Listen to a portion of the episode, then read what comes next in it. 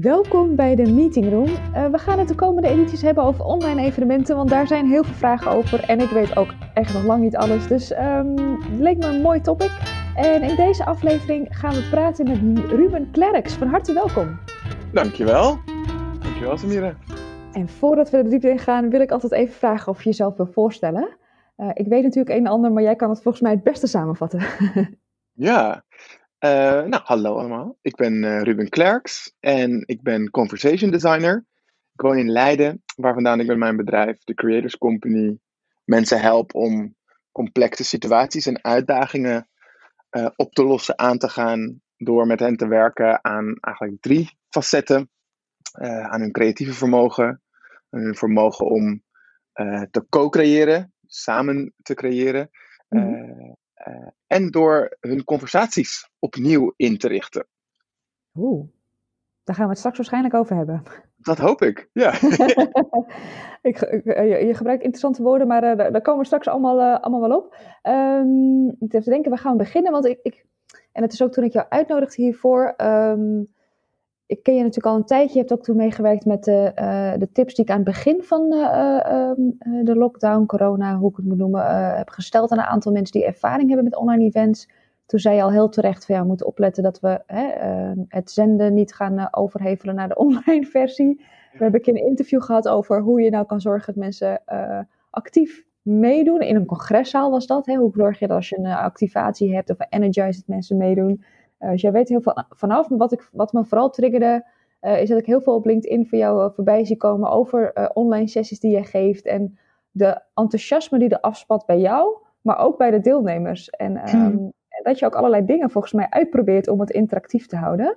En dat is ook waar ik veel vragen over krijg. Mensen vragen altijd, ja, hoe maak ik nou mijn sessie interactief? Ja. En in de vorige podcast hebben we het daar ook even kort over gehad. Maar ik, ik denk dat jij daar wel mensen daar een beetje bij kan, kan helpen. Um, maar kun jij vertellen hoe, wat je de afgelopen maanden gedaan hebt met online? Want volgens mij deed je dat daarvoor niet zoveel, toch? Online evenementen. Um, nou, ik deed daarvoor ook al wel online, maar het was niet zo'n substantieel onderdeel van mijn werk, van mijn inkomsten. Uh, dus ik deed al best wel veel online. Um, vooral ook omdat ik over heel de wereld werk. En vooral bij de internationale sessies deden we dat eigenlijk uh, voornamelijk online.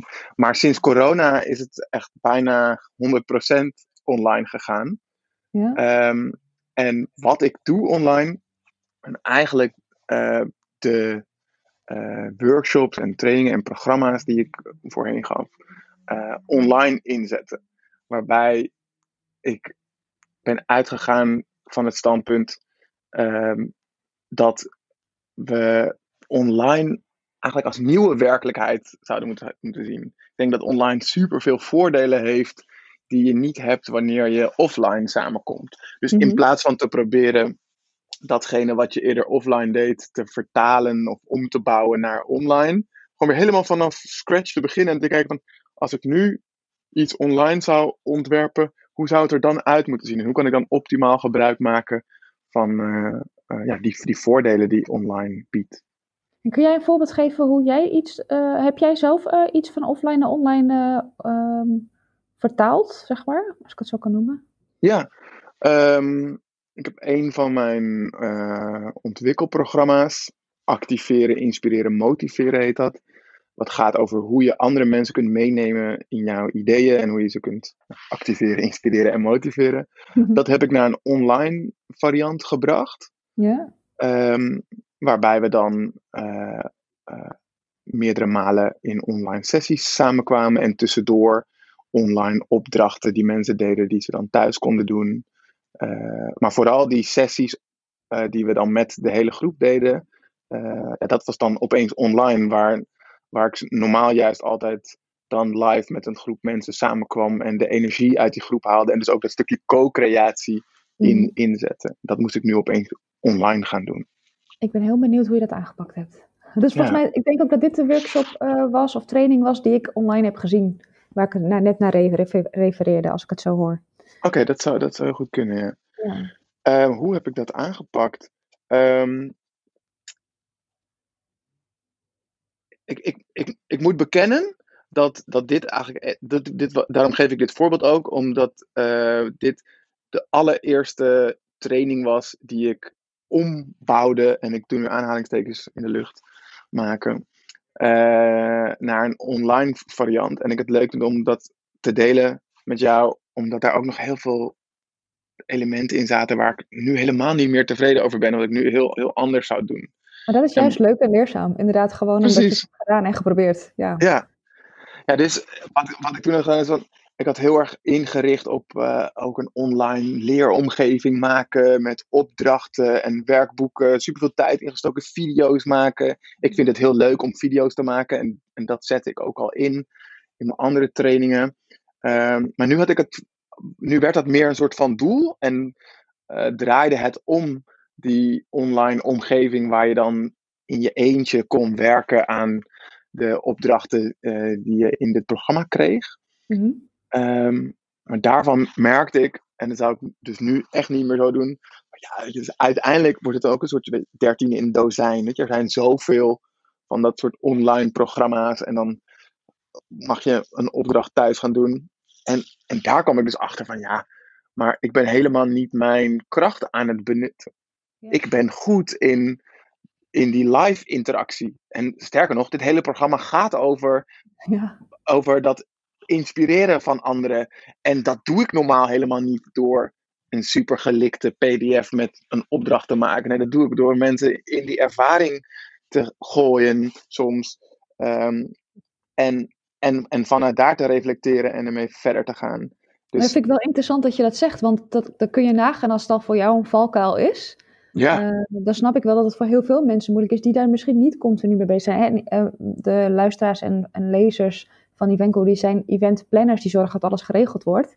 Uh, maar het blijkt dus, ja, het is dus een valkuil, denk ik dan. Ja, Misschien ook uit enthousiasme. Ik ken het ook hoor. Ik zie ook soms tools en denk ik, oh wat tof. En dan ben ik helemaal enthousiast over die tool. Maar daar gaat het natuurlijk helemaal niet om. Precies. En dan ben je eigenlijk aan het richten op van, oké, hoe kan ik zoveel mogelijk uit die tool halen? En ik heb in het begin van corona echt best veel tijd en geld gestoken in mijn website aanpassen, zodat die online omgeving er is. Helemaal gericht vanuit die tool. Dus hoe kan ik mensen die beste online ervaring geven? Terwijl ja, daar ging het dus uiteindelijk helemaal niet om. De deelnemers waren zo enthousiast over die momenten dat we met z'n allen samen waren en dat ik mensen bij elkaar bracht. En, en, en daarvan dacht ik ook van ja, dit is wat ik in mijn live training ook altijd terugkrijg. Maar die energie die je dan overbrengt en wat er gebeurt als mensen samen dingen maken, hè, dat, dat stukje co-creatie, mhm. eh, daar, daar moet ik gewoon meer van doen. Dus begin volgend jaar, dan start weer een nieuwe editie. Maar die gaat helemaal niet zo'n online omgeving bevatten. Dan ga ik juist meer online sessies met elkaar doen. Dus dan zijn we ook wel online, maar we zijn wel van live bij elkaar. Ja, precies. En, en, en uh, ik uh, zag dus wel een ander voorbij komen. Kun je wat vertellen over wat je geleerd hebt de afgelopen maanden als het gaat over interactie online? Ja. Waar zal ik beginnen? um,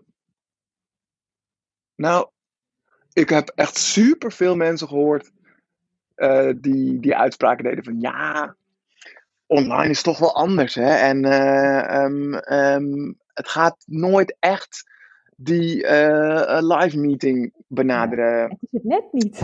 ja, het is het, het, is het net niet. Ja, en wat ik heb geleerd is dat ik het daar gewoon niet mee eens ben. Ik denk dat online het net wel is. En dat je hele vette dingen ermee kan doen. Uh, het heeft zoveel voordelen. En ja, het is anders. Dat klopt.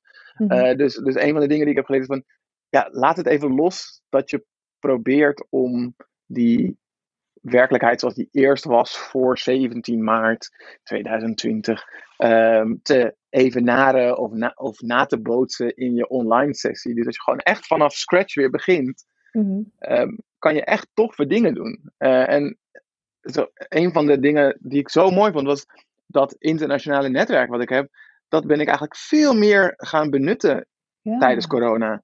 En ik dacht van, waarom heb ik dit niet vaker gedaan? Letterlijk die uitspraak, dat cliché van de wereld ligt aan je voeten door het internet. Ja, dat was nu ook zo. En, maar daarvoor maakte ik daar helemaal niet gebruik van. Dus als ik kijk naar mijn bedrijf, dan was ik in die zin best wel kleinschalig aan het werken. En mijn focus was alleen gericht op Nederland. Uh, En dat noem ik nu klein. En dat, maar toen dacht ik dat het groot was. Ja. Ja, ik snap het. Het is ook gewoon. En merk jij ook in het buitenland dat, dat, dat zij, waarschijnlijk wel, maar dat zij ook veel meer online bezig zijn, ook meer aan het netwerken, dat het eigenlijk elkaar heel erg versterkt?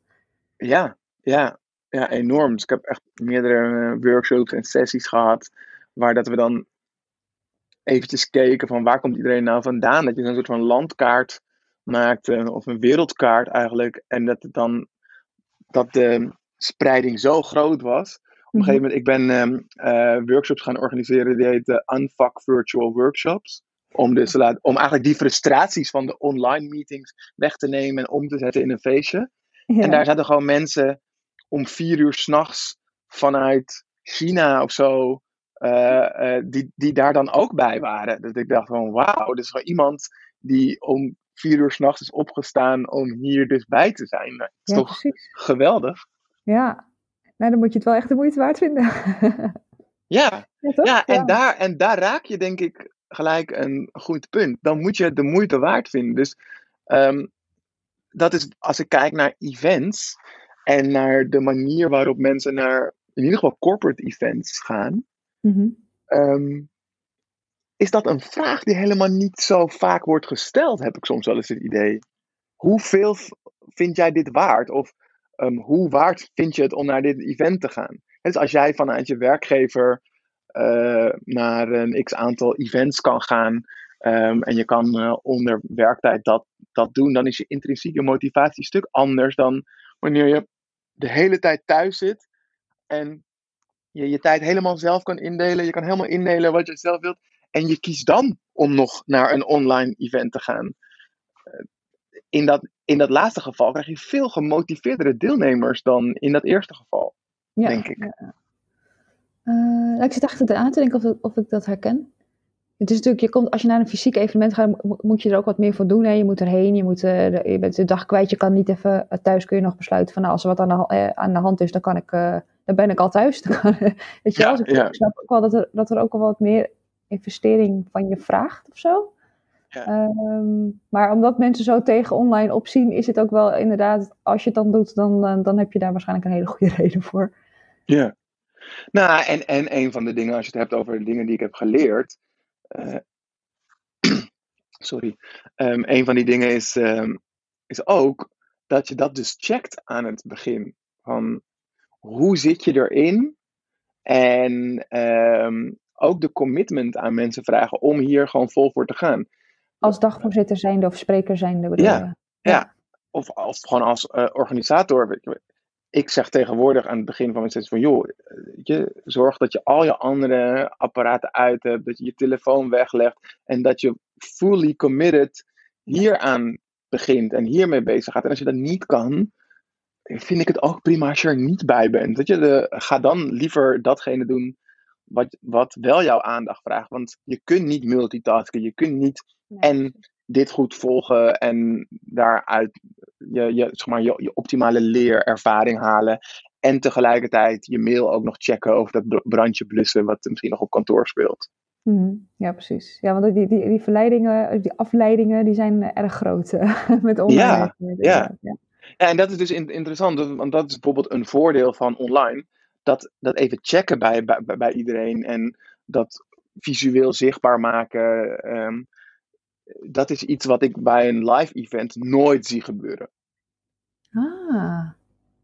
Terwijl. Ja, soms wel even een handvraag. Hebben jullie nog zin in? Weet je wel, zo'n beetje eind van de dag meestal. De laatste, de laatste praatje voor de borrel. Daar maak ik altijd een grapje over, toch? Ik weet dat hoe langer ik praat, hoe langer ik de borrel ophoud.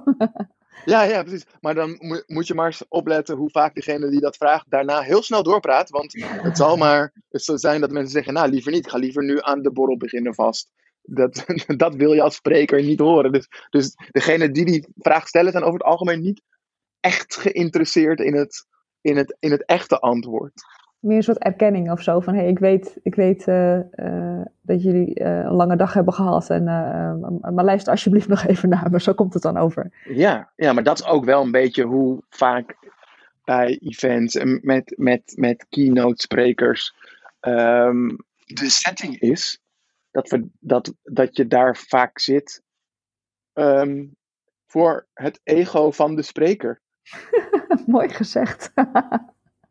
ja, dat is echt andersom zou moeten zijn. dat, zou het, dat zou het zeker moeten zijn. En dat, ja. ja. ik vind dat mateloos fascinerend. Als je nu bijvoorbeeld kijkt hoe vaak ik mensen hoor zeggen van, uh, inderdaad, ja, uh, kan je me helpen? Want ik wil graag meer uh, interactie. Want uh, ik merk dat, ehm, dat, dat, dat, er mensen afhaken of dat ze andere dingen gaan doen. Hè? Dus opeens zie je mensen op het scherm naar links beneden of rechts beneden kijken. Daar meestal ligt hun telefoon daar. Um, of, of, of mensen zetten letterlijk hun camera uit. Ja, dat doe ik dus wel eens als het een evenement is. Doe ik gewoon ja, een video exact. Ja, ja. Dus, dus degene die dat evenement organiseert, die ego, en die ego hebben we allemaal, um, begrijp me niet verkeerd, ik, ik heb hem ook, uh, die gaat in één keer veel visueler terugkrijgen dat mensen aan het afhaken zijn. Mm -hmm. En natuurlijk, ik help dolgraag mensen om um, die interactie te bevorderen, zodat mensen meer aangehaakt blijven. Mm -hmm. Maar tegelijkertijd wil ik er ook dan, als iemand zo'n vraag stelt, ook kijken en prikkelen van, maar in hoeverre gebeurt dit ook in jouw live offline meetings ja. zonder dat jij het doorhebt? Want ja. als iemand in een zaal zit um, en ik zit in een rijtje waar aan links, links van mij 10 mensen zitten en rechts van mij 15 mensen um, en ik wil daar weg, dan moet ik opstaan en dan moet ik dus minimaal 10 mensen passeren, zoals je wel ja, in de bioscoop gewend bent. Oh, sorry, sorry. Ja. ja, dan krijg je heel veel aandacht op je. Dat ga je niet doen. Dus je blijft zitten in die zaal en dan komt je telefoontje misschien tevoorschijn en je kan nog verstoppen achter die lange meneer voor je. um, of achter dat gekke hoedje voor je. Uh, dus, maar eigenlijk gebeurt hetzelfde. Mm -hmm. Alleen die spreker ziet het niet. Dus die spreker heeft er geen last van. Uh, uh, ergo, het ego van die spreker blijft nog intact. Ja, dan zijn ze allemaal lekker stil, ja. Ja, precies. Wat is iedereen stil? ja, maar dat is misschien niet altijd per se een goed teken. Uh, dus, dus dat vind ik dan leuk om naar te kijken van uh, als je dan je online sessies anders gaat inrichten, supergoed. Maar wat kan je daar dan uit meenemen weer terug straks naar offline? Ja, dat is een mooie. Dat je er, dat je er echt van leert hoe je dat, ja, want wat, maar kun je, heb je voorbeelden van hoe je dat zou kunnen doen? Ja, als bijvoorbeeld um, een, van, een van de meest uh, voor de hand liggende en makkelijke dingen die je vanuit online terug kan brengen naar offline, is um, dat um, iedereen aan het woord laten of iedereen een stem geven. Mm. Uh, of iedereen een gezicht geven. Dat, dat is misschien nog eigenlijk makkelijk om te zeggen. Doordat we in een online meeting, als je in Zoom of zo zit, uh, al die schermpjes ziet. Ik heb het niet over webinars. Hè, want webinars zijn, nou, dat zijn eigenlijk nog, nog steeds eenrichtingsverkeer events. Mm-hmm. Um, want daar kunnen de deelnemers elkaar niet zien. Maar als je in een Zoom of een Teams meeting zit, dan uh, zie je allemaal schermen. Dus je kijkt in mensen hun huiskamer. Je krijgt een kijkje in hun leven op dat moment. Mm-hmm. Um, en daar geven mensen van terug dat ze dat soms lastig vinden. Er is heel veel afleiding, maar dus de events die goed zijn ingericht in mijn ogen, die besteden daar aandacht aan. Dus mensen leren elkaar opeens beter kennen.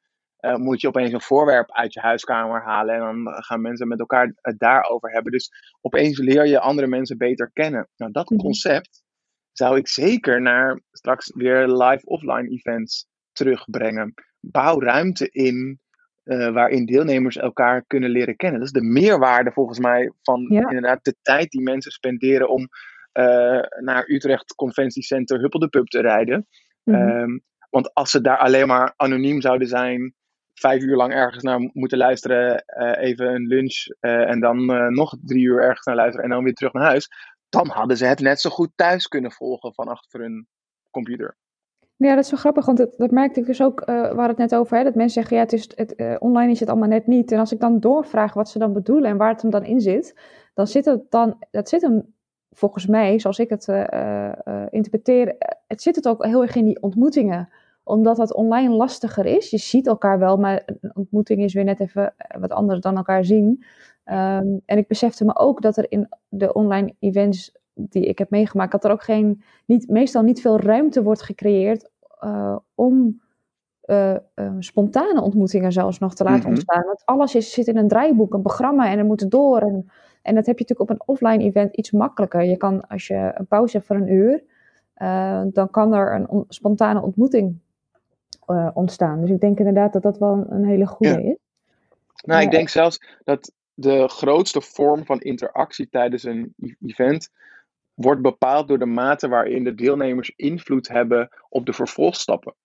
dus de, de basis van interactie is dat je invloed hebt op de uitkomst van een vraag of een situatie die zich op dat moment voordoet. als mhm. ik in een zaal vraag, goh, wat vinden jullie uh, nou uh, van uh, de aangescherpte coronaregels?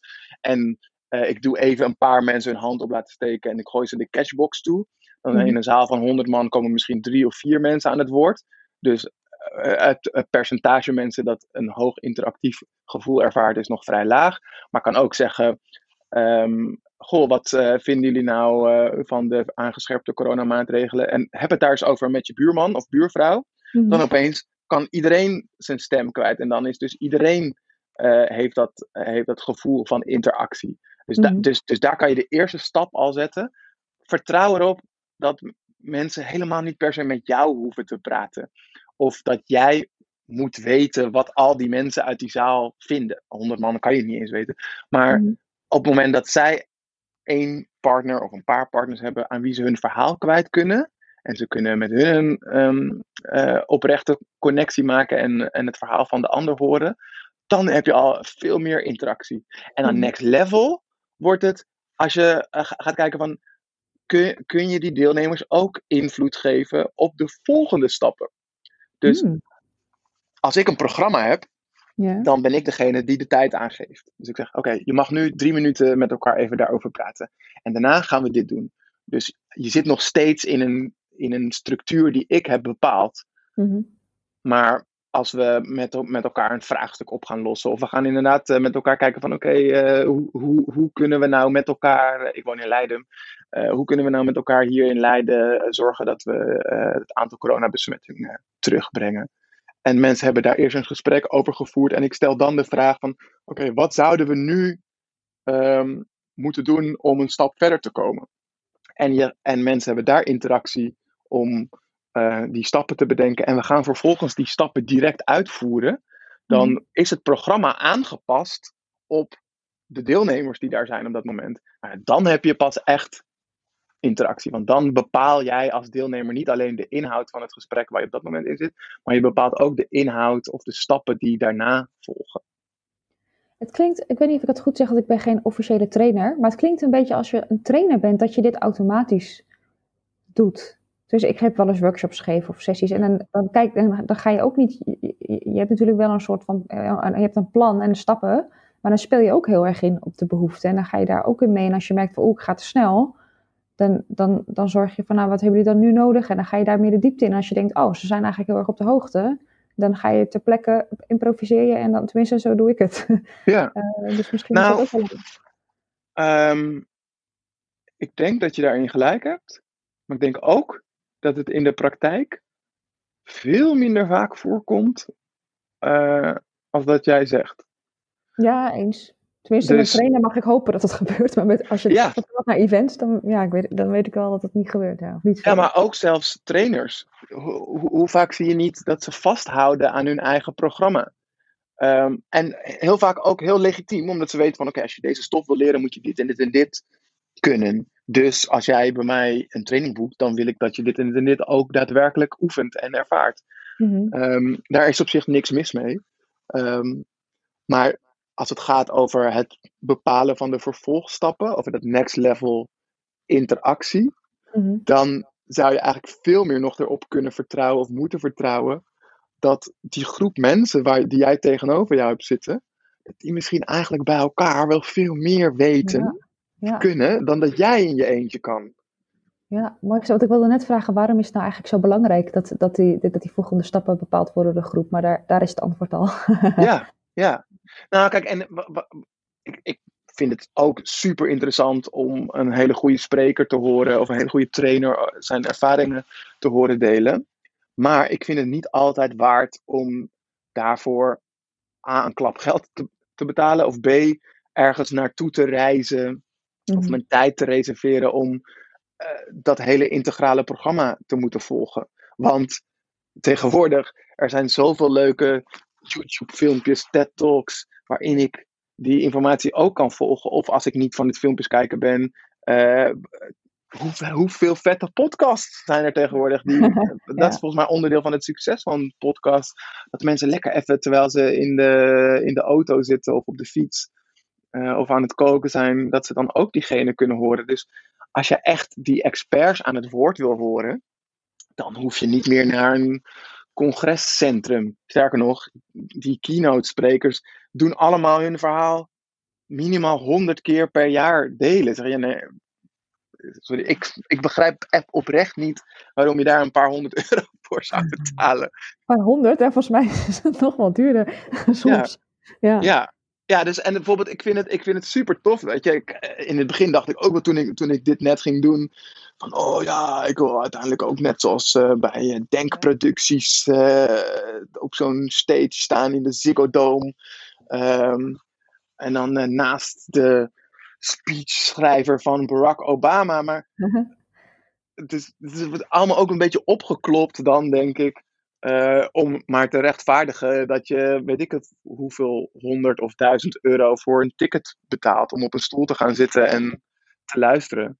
En, en, en dat is dus op zich, want, want nu klinkt het misschien een beetje cru of zwart-wit, uh, die vorm van bepalen wat de vervolgstappen zijn, worden wel al vaker in offline events ingebouwd door bijvoorbeeld van die breakout sessies te mhm. maken. Dus een soort van mhm. tussenweg, dan heb je een soort van menukaart waar je dan uit kan kiezen.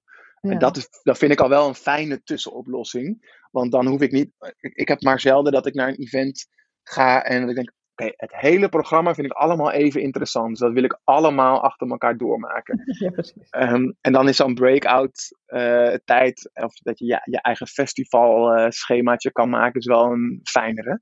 Mhm. Ehm, maar ook daar zelfs zou ik echt mensen aanraden van, ga eens een keer een half uur of een uur tijdens zo'n event um, even niet naar een sessie. En daar zouden event organizers ook rekening mee kunnen houden. Richt een lounge in en maak het oké, geaccepteerd, dat je tijdens een breakout sessie niet naar een workshop gaat, maar dat je naar de connectielobby gaat of geef het een leuke naam. En dat je ook koffie kan bestellen, want ik heb het ook wel eens gehad dat ik gewoon te veel en dacht ik, nou even deze ronde niet. En dan kon ik niks drinken, niet Ik kon, ik soms kon ik niet eens zitten, meestal wel. Maar weet je, het is gewoon, eh, of je kom je in een kale ruimte, of ze gingen net verplaatsen. Eh. Ja, meestal kom je dan een soort van achter de schermen terecht. want, want, de, want de eventorganisatie rekent erop dat iedereen in een bepaalde ruimte zit met de deur dicht. En dan kunnen zij gauw iets doen. Ja, ik moet wel zeggen dat het wel aan het veranderen is, maar uh, ja. het was. ja, het werd wel iets gebruikt. Ja, het verschilt heel erg ook per, per branche, type. Uh, vaak was het nog wel van, ja, je wordt wel verwacht dat je in een breakout zit en ze willen mensen niet stimuleren dat ze gaan uh, pauzeren of chillen. Of, uh, um, maar het is niet heel vaak zo dat je dan echt geen koffie kan krijgen of echt niet. dat valt gelukkig enigszins mee, maar het kan beter, ja. En wat voor veranderingen zie je daar nog meer in? Nou, toch wel een beetje, dat heb ik, ik weet niet meer wie dat had bedacht, maar ik, ik hoorde een keertje de festivalisering van congressen. Mhm. Eh, dus dat er wel inderdaad meer beleving. En dat er ook, weet je, die foodtrucks, waar, je op, waar ik op een gegeven moment ook wel een beetje gek van werd. Maar goed, het zag er wel gezellig uit. um, uh, dat het gewoon sfeervoller werd. Dat je inderdaad je meer kan indelen hoe je het wil. En, en ook daarin, eh, het verschilt echt per, per, per, per branche. Maar ik merkte wel dat ze wat meer hun best deden om er een beleving aan te geven tussen haakjes. Maar ik denk dat het nog wel meer zat aan, um, hoe zeg je dat? Aankleding of zo. Ja, aankleding en een beetje het programma, maar niet zozeer de inhoud. Ja. En dat is wel waar jij het uh, over hebt. Ja. ja, ik zou het dus, ik vind het zonde dat je zulke uh, ervaren mensen, trainers, keynote sprekers, ergens neerzet om ze een afgedraaid verhaaltje nog een keertje te laten oplepelen. Hoe vet ja, maar hoe vet is het als je die club intelligente, ervaren mensen bij elkaar zet en dat je hen echt um, ook aan het denken en aan het creëren zet. Dus ik zou veel liever met hen me over een vraagstuk buigen, met, samen met nog meer mensen in, in, in de zaal. Dus, dus als ik dan naar de speechschrijver van Barack Obama ga, dan wil ik kijken wat hij van de laatste troonrede vindt. Of hoe wij een nieuwe troonrede kunnen schrijven. Of hoe, uh, hoe ik mijn volgende bedrijfspraatje kan verbeteren. Ja. Um, Dus, dus, dus dat je ook echt gebruik maakt van de intelligentie en de creativiteit van die mensen die daar zijn. Wij, wij, wij noemen dat altijd, je wilt de collectieve intelligentie van een groep uh, optimaal benutten, of de collectieve creativiteit. Dus ah. Dus als er, als er daar nog een soort van onaangeraakt of onbenutte potentie ligt, mm en je komt aan het eind van de dag thuis en je hebt daar niks mee gedaan, dan is dat zonde. Dan heb je niet alles uit het moment gehaald van het samen zijn van die groep mensen. Ja, tof. Wat mooi. Ik vind het ook een mooi, uh, mooi woord en ook mooi, uh, mooie woorden. Collectieve intelligentie. En, en, mooi als dat ook inderdaad vaker gebruikt wordt. En dan kun je ook, hoef je ook minder zorgen te maken of mensen een waardevolle dag vonden. Want dan hebben ze er gewoon zelf aan bijgedragen. Ja, ja, ja exact. Ja, dan, dan, dan maak je heel handig gebruik van het IKEA-effect. Oh, ik weet niet of je, of, je dat, of je dat concept kent. Nee. Er is ooit een onderzoeker geweest die, um, uh, die heeft onderzocht uh, wat uh, de perceptie van mensen was over hun, hun, hun, eigen bouwwerken. Dus op het moment dat iemand een IKEA-kast, zo'n Billy-kast in elkaar heeft gezet, mm dan heeft hij zoveel bloed, zweet en tranen in ah, zitten, dat hij eigenlijk naar het eindproduct niet meer echt objectief kan kijken. Um, dus hij zegt hij eerder, dat hij het een hele mooie kast vindt. En dan ziet hij misschien niet meer dat eigenlijk allemaal kastdeurtjes scheef zitten. En super irritant natuurlijk, want daarna komt altijd stevast de eerste bezoeker binnen. Uh, en dan zeg je heel trots, kijk eens naar mijn nieuwe kast. En zeg, oh ja, het is wel mooi, maar dat kastje daar, dat zit wel een beetje scheef. Mm. Uh, uh, maar dat, werkt, dat kan je dus ook toepassen op een, op een event. Want als mensen mee hebben gebouwd aan de inhoud van het event, mm dichten ze het ook een grotere of een hogere waarde toe. En dat gaan ze vervolgens ook weer doorgeven. Dus dan zullen ze positiever over jouw event praten dan wanneer ze alleen maar passief hebben gezeten en geluisterd of gekeken. Wat een goeie. Nice. En ik ben ook nog wel benieuwd, en volgens mij is dat wel een mooi bruggetje, maar dat weet ik niet zeker.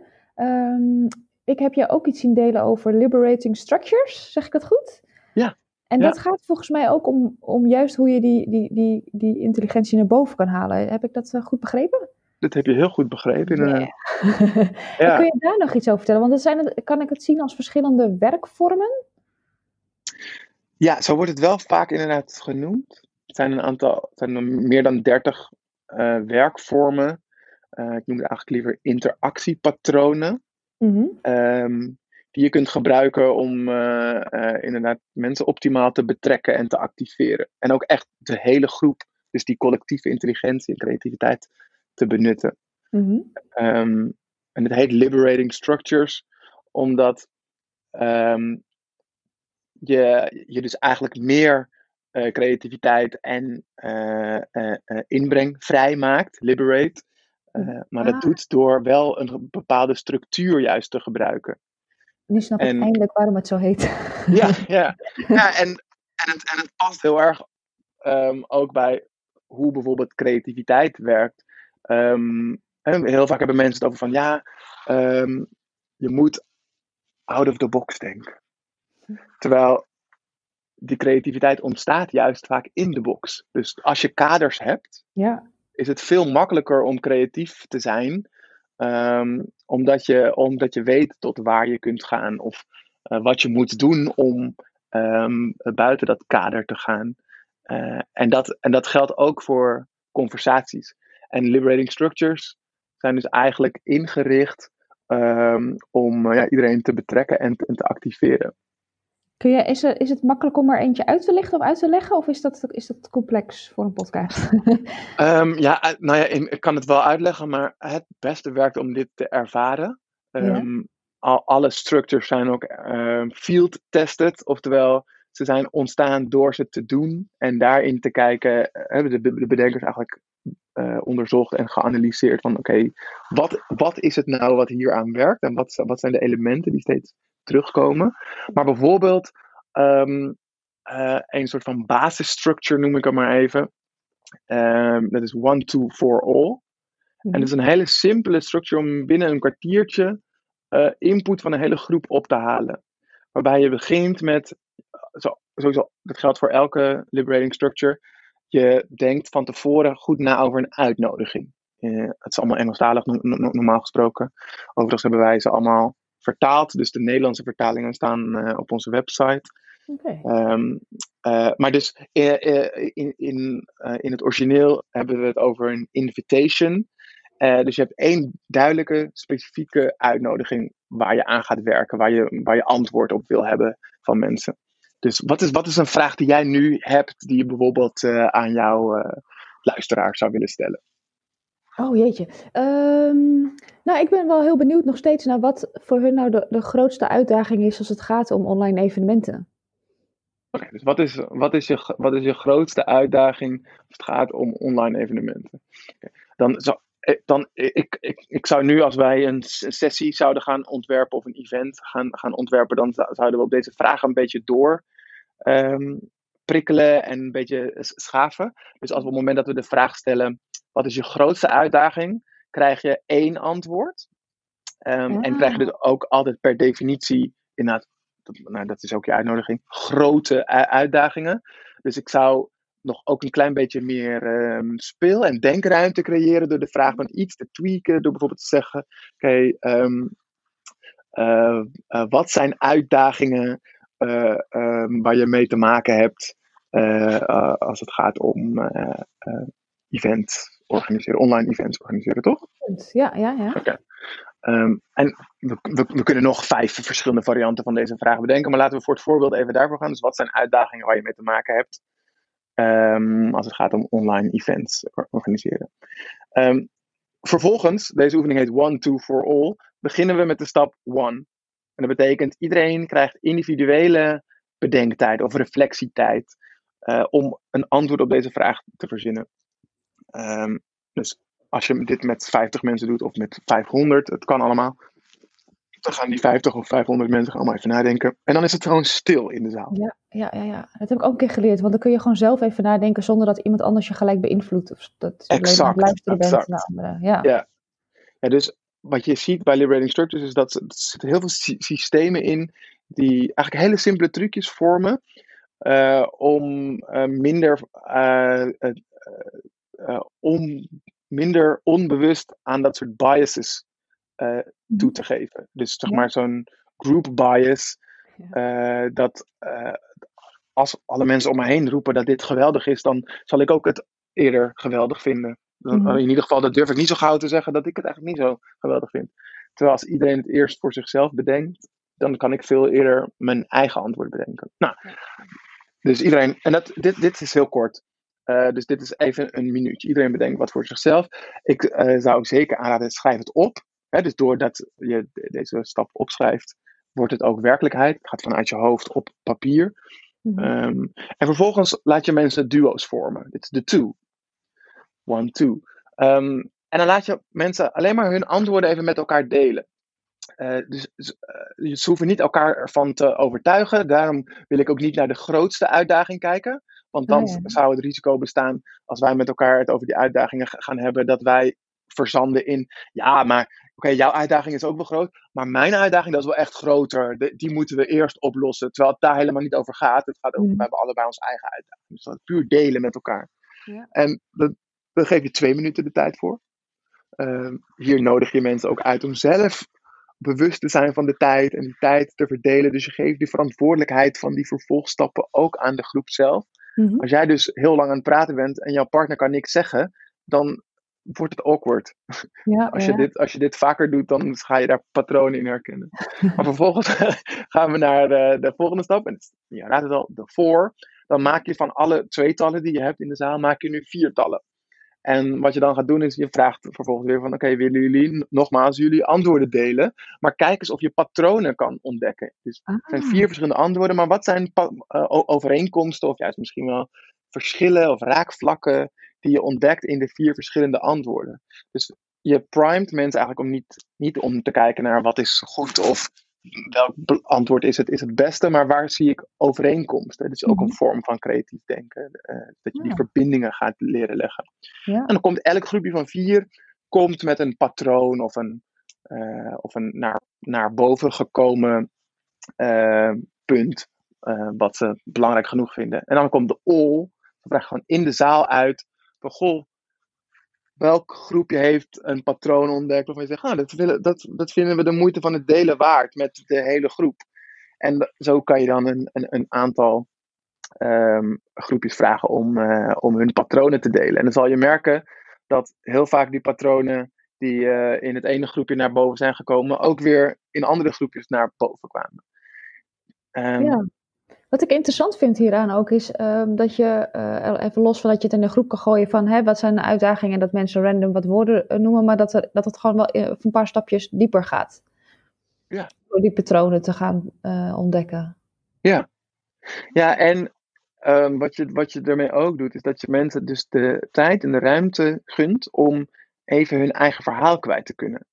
Um, ik weet niet of je het herkent, maar als je, dat je, als je bijvoorbeeld anders in een standaard setting in een zaal een vraag stelt, of het gaat hebben over problemen, dat je van die mensen krijgt die heel veel en heel hard praten. Um, en die ook de hele tijd hun voorbeeld naar voren brengen. Ja. Waarmee ze eigenlijk een beetje het, het onderwerp of de richting kapen. Um, is, dat, is dat iets wat je, wat je wel eens hebt gezien? Ja, ja, ja, ja, zeker. Volgens mij herkent iedereen die luistert dit ook wel. Ja, toch? Ja, ja. En dat, maar, maar die mensen blijven net zo lang dat onderwerp aandragen of het daarover hebben, zolang ze het idee hebben dat er nog niet naar hun geluisterd is. En Ah. um, door, zo gewoon, e- door eerst zo'n gesprek met één iemand anders aan te gaan, creëer je veel sneller dat moment dat iemand het idee heeft van, goh, ik had gewoon, iemand was gewoon met z'n 100% van zijn tijd en aandacht bij mij. Ik, ik voel me ge- gehoord. Oké, nu kan ik dit een beetje laten landen.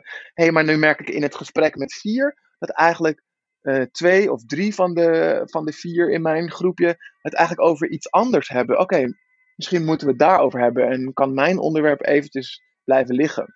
Ah, En dan ben je veel natuurlijker naar, naar een ander onderwerp doorbewogen.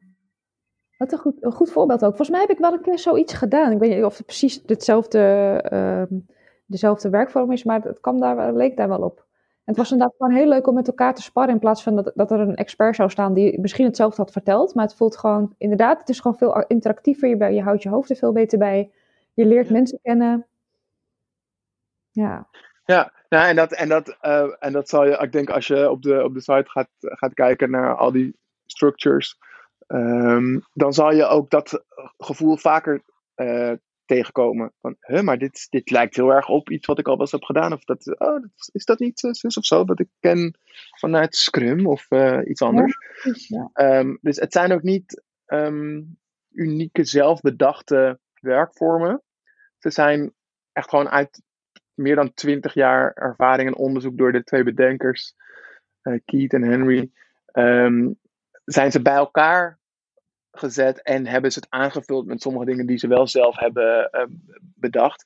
Ehm, maar ze hebben gekeken naar wat zijn nou patronen in. en Eigenlijk precies hetzelfde wat wij net in deze oefening deden. Wat zijn de patronen die in die succesvolle werkvormen zitten? Ehm, ja, daar hebben ze een aantal design ele- elements uit gedestilleerd, die ze vervolgens eh, op elke nieuwe structure die ze ontwikkelen ook inzetten. Want er is nog een hele levendige wereld, juist dus wel aan nieuwe werkvormen, die nog steeds door de, door de community samen worden bedacht en ontwikkeld. Wat mooi. Ja, het blijft constant in beweging. Maar ik denk dat deze, wat zijn nou, 30 uh, vormen wel een mooie start zijn voor mensen. En die kunnen ze dus gewoon op de, de website bekijken?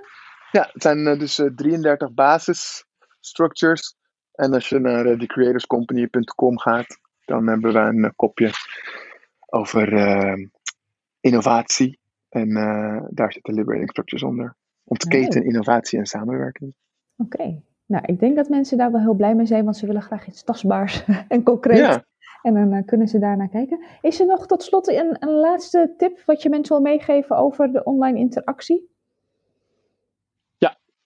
Um, en het sluit ook aan bij het gaan spelen en oefenen met liberating structures.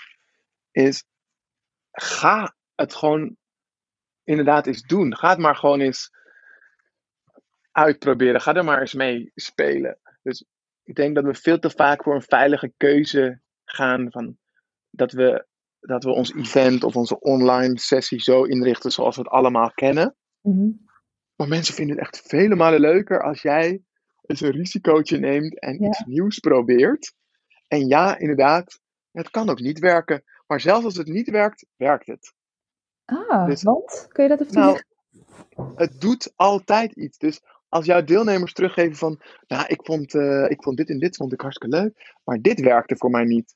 Uh, want, uh, zus of zo. Het feit dat jouw deelnemers dus in een andere situatie zijn gezet, op een andere manier moesten werken en daar een mening over vormen, dat is volgens mij ontwikkeling. Dat, daardoor, daardoor werkt het. En daardoor leer je dus ook jouw deelnemers beter kennen. Oké, deze groep, daar werkt dit of dit niet zo goed voor. Dus de volgende keer dat ik een event ga doen, dan ga ik iets minder van dit doen uh, en iets meer van dat. Dus ook dan heeft het gewerkt. Ja. Uh, volgens mij was het uh, Edison die zei dat bij het bedenken van de lamp dat het hem, weet ik het, duizend, duizend, tienduizend andere ideeën had gekost voordat hij daar kwam. Dat ja. hij zei van ja, maar ik heb gewoon 9999 manieren gevonden. Um, hoe het niet toch? Ja, hoe het, die, dan, die, dan, die dan niet werken in plaats van dat hij heel vaak heeft gefaald. Ja, ah. Mooi. Ik weet niet of ik hem nou goed quote hoor. Dus ja, ik ben ook Pin me er niet op vast. Maar ik, ik, ik, snap de strekking. nice, een goede, goede tip. Ik, uh, ik hoop dat mensen dit, uh, dit aandurven. Ja, en, nou, gewoon, dat, dat kunnen ze. En als ze, en als het, als het wel spannend vinden of het dus nog niet aandurven, dan uh, ik heb altijd de uitnodiging openstaan uh, dat ze mij een mailtje mogen sturen. Want het is heel leuk om over dit soort kwesties en complexe uitdagingen na te denken, mee te denken. Dus, uh, Superleuk. Wil me gerust. ja, ik denk dat ze op de, via de website komen ze wel bij jou terecht. Ja. nou, ik denk dat dat hem was. Ik vond het superleuk om te horen, super interessant. Uh, ik ga nog eens goed kijken naar die uh, liberating structures. en uh, ik, misschien kan ik het ook een beetje toepassen. Nou, hartstikke leuk. en ik ben benieuwd of ik het meer ga herkennen. dat is ja, en online vooral. In eerste instantie. Super. Um, nou, misschien komen we elkaar gewoon eens tegen. We hebben elkaar eerder geïnterviewd. Ik vind je altijd inspirerend. Dus wie weet het snel weer. en voor de luisteraars heel erg bedankt voor het luisteren. En tot de volgende keer. Doei.